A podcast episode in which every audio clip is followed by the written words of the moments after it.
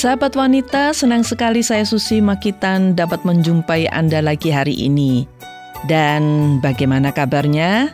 Harapan saya Anda dalam keadaan baik-baik saja dan sehat selalu, serta dikelilingi oleh orang-orang yang mengasihi Anda.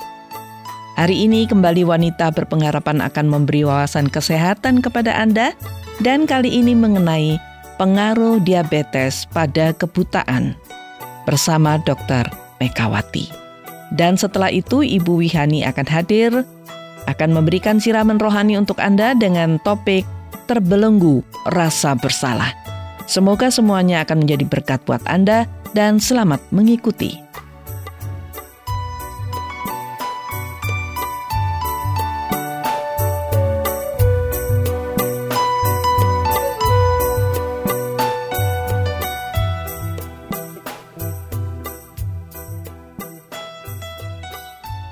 Sahabat penderita diabetes semakin hari semakin banyak, walaupun orang tahu bahwa komplikasi dari penyakit ini sangat menakutkan. Orang bisa terkena stroke, serangan jantung, gagal ginjal, dan juga buta. Kita memang harus berusaha keras supaya tidak terjangkit penyakit ini. Nah, hari ini saya akan berbincang-bincang dengan Dr. Megawati mengenai diabetes, tetapi secara khusus akan berbicara mengenai pengaruh diabetes pada kesehatan mata atau kebutaan. Semoga perbincangan ini akan bermanfaat bagi Anda dan juga keluarga. Dan sekarang ini Dr. Megawati sudah bersama saya. Bagaimana kabarnya dok hari ini? Baik-baik saja Bu Susi. Baik dan sehat ya. Iya.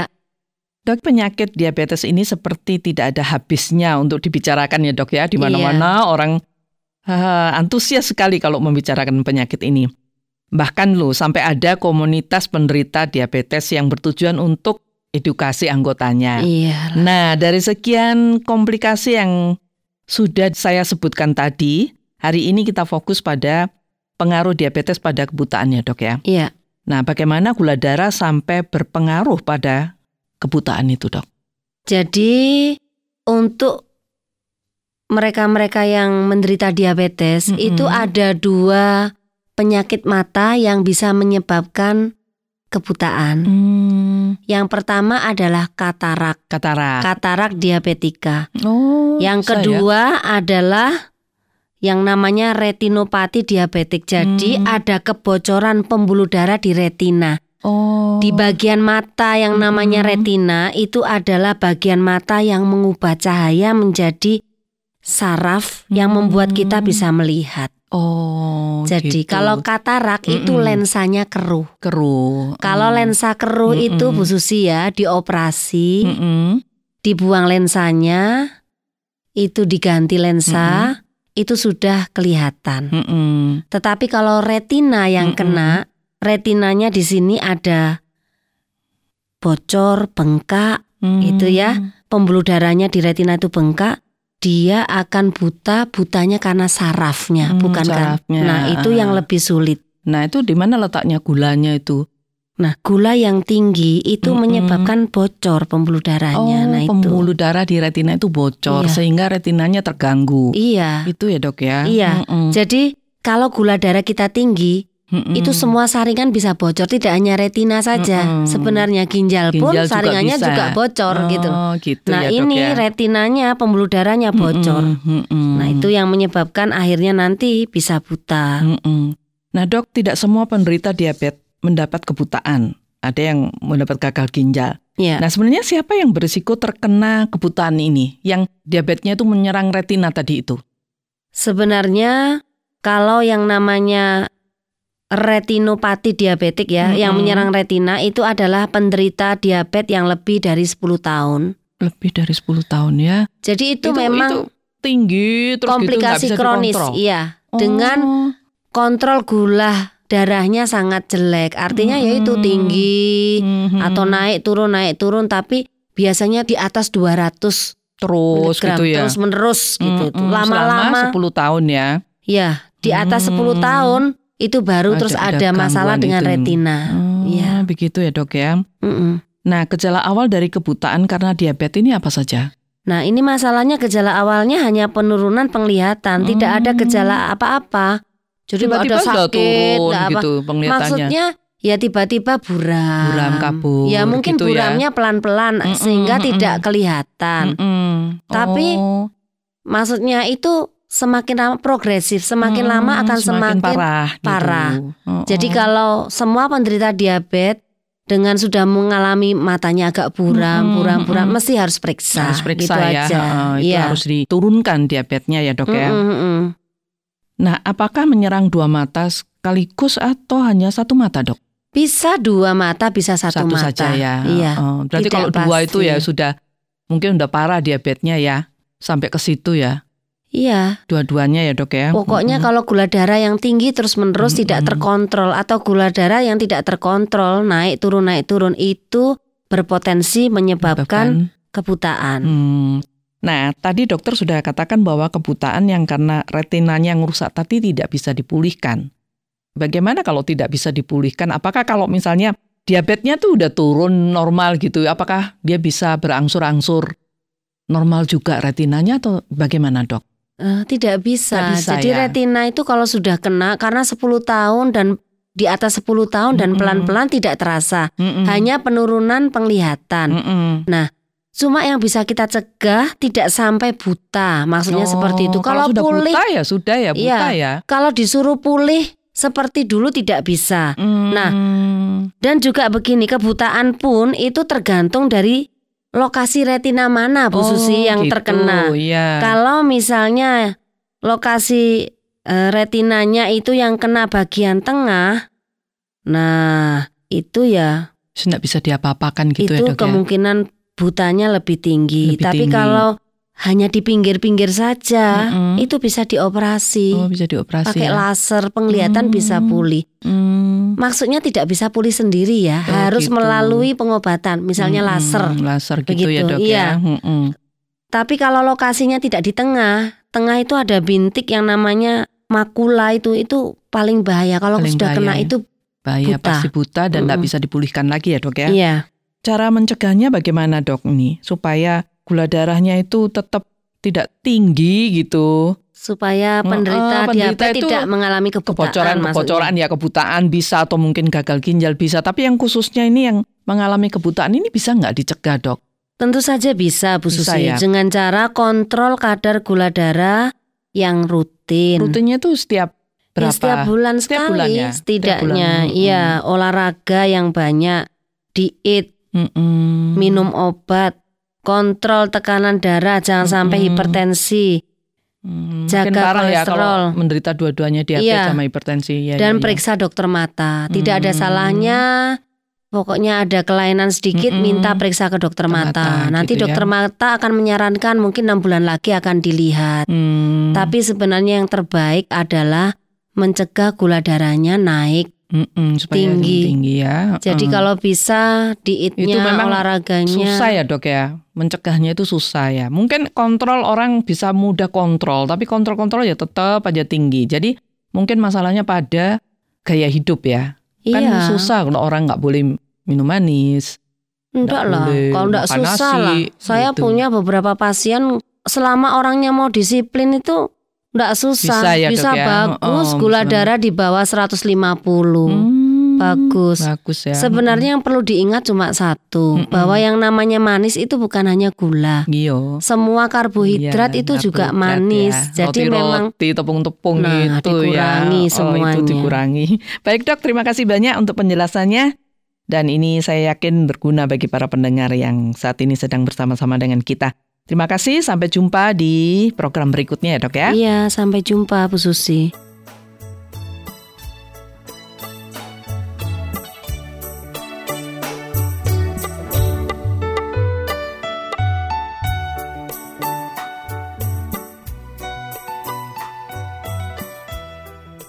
Sahabat, semoga perbincangan mengenai pengaruh diabetes pada kebutaan tadi bermanfaat bagi Anda dan keluarga.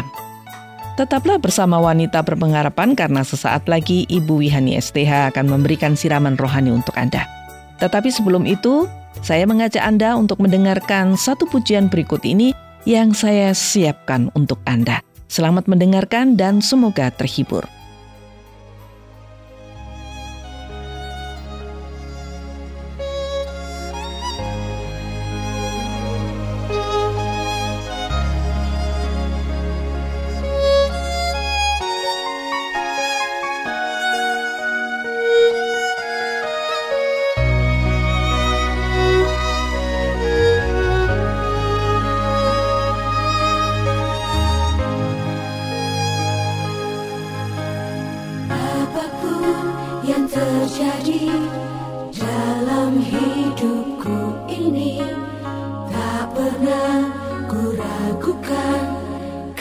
Sahabat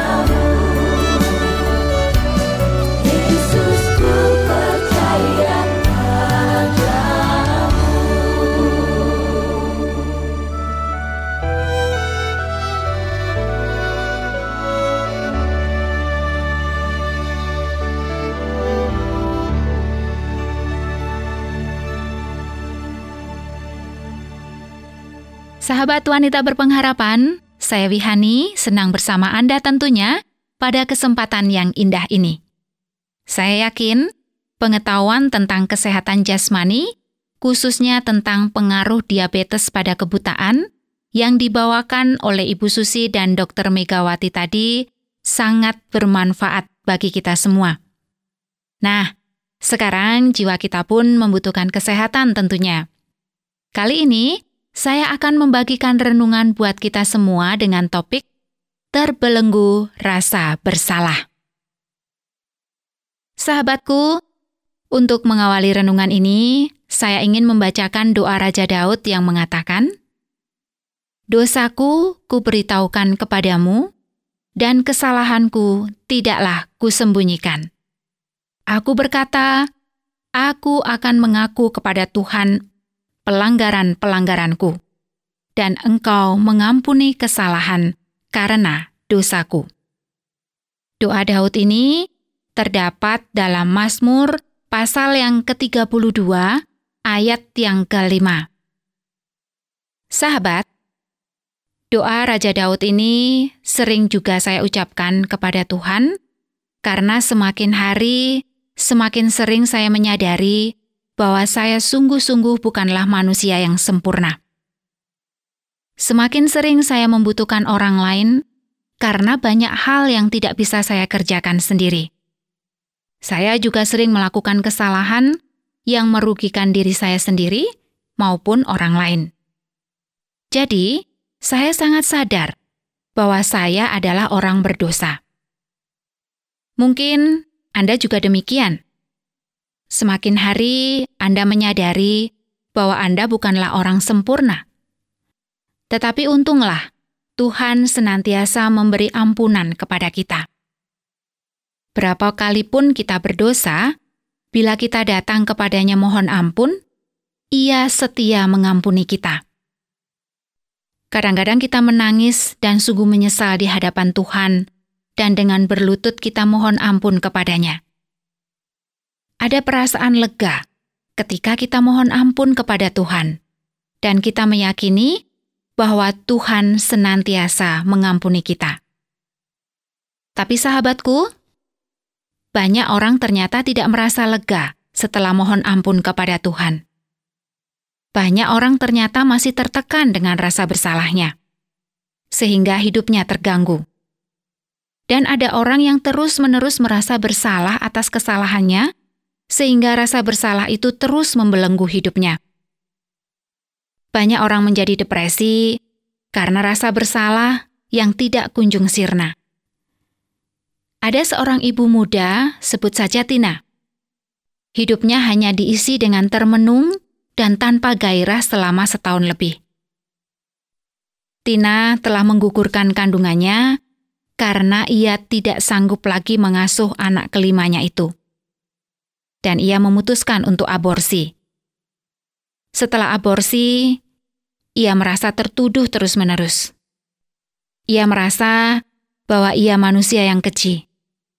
Ia merasa ia seorang pembunuh yang keji. Ia tidak sanggup melakukan apa-apa lagi kecuali meratapi kesalahan dan dosanya. Memang, Tina bukanlah satu-satunya wanita yang terbelenggu oleh rasa bersalah. Ada jutaan wanita yang saat ini mengalami hal yang sama. Nah, apa sebenarnya yang membuat kita terbelenggu rasa bersalah? Apakah kesalahan dan dosa kita terlalu besar? Atau kita terus saja menyesal karena kita memang tidak mau melakukan kesalahan itu? Sahabatku, memang kita kadang sangat merasa bersalah apabila kita melakukan dosa dan kesalahan yang amat besar yang sangat merugikan orang lain. Bisa juga rasa bersalah itu timbul karena kita sadar kesalahan kita itu telah melukai perasaan orang-orang yang kita kasihi. Tetapi, alasan paling utama adalah orang yakin bahwa Tuhan sungguh mengampuni dosa siapa saja, dan sebesar apa saja dosanya, sekalipun ia sungguh mohon ampun. Karena tidak yakin kalau dosanya diampuni, maka yang ada di benaknya adalah hukuman yang akan diterimanya, sehingga perasaan bersalah semakin besar. Dan bila perasaan bersalah itu dikembangkan terus, maka lama-kelamaan perasaan bersalah itu akan membelenggu hidup seseorang. Sahabat, Perasaan bersalah dan menyesal itu memang wajar dan bagus, agar kita selalu sadar akan kesalahan kita. Rasa bersalah juga mendorong kita untuk memohon ampun kepada Tuhan. Tetapi rasa bersalah itu tidak boleh membelenggu hidup kita, sehingga hidup kita terus dihantui rasa bersalah. Jadi, tidak perlu lagi menyimpan rasa bersalah ketika kita sudah mohon ampun kepada Tuhan. Tuhan akan setia mengampuni kesalahan dan dosa kita, kapan pun kita datang kepadanya untuk minta pengampunan. Jangan pernah ragu datang kepada Tuhan untuk memohon ampunannya. Marilah kita membuang rasa bersalah yang sudah lama ada di dalam hati kita dan membelenggu hidup kita, sehingga tidak ada damai dan sukacita di dalam diri kita. Yakinlah, Tuhan sungguh-sungguh mengampuni Anda dan melupakan dosa Anda. Bila Anda tidak yakin bahwa Tuhan sungguh-sungguh mengampuni Anda, mintalah tolong kepada Tuhan untuk menolong Anda meyakini pengampunan Tuhan.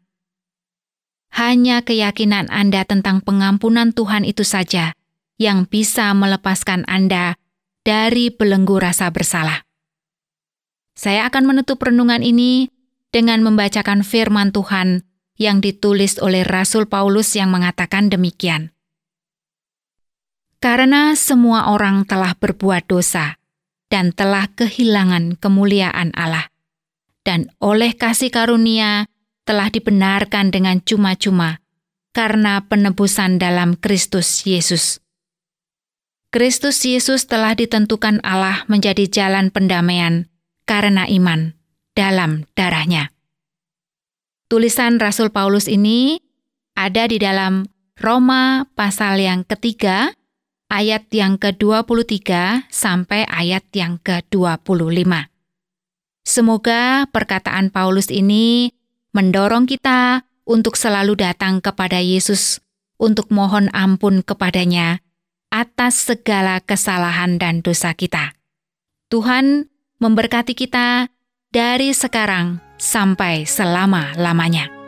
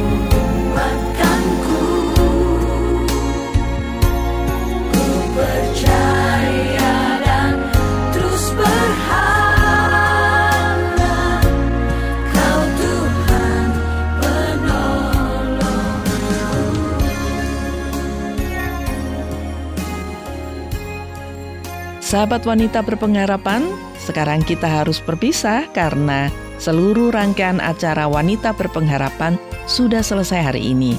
Semoga semuanya bermanfaat buat Anda. Dan bila Anda ingin bertanya atau menanggapi siaran ini, hubungi kami langsung Wanita Berpengharapan melalui SMS atau WA ke nomor 081 333 777386. Saya ulangi nomor yang bisa Anda hubungi baik melalui SMS maupun WA adalah 081 333 777386. Saya Susi Makitan mohon pamit dan sampai jumpa.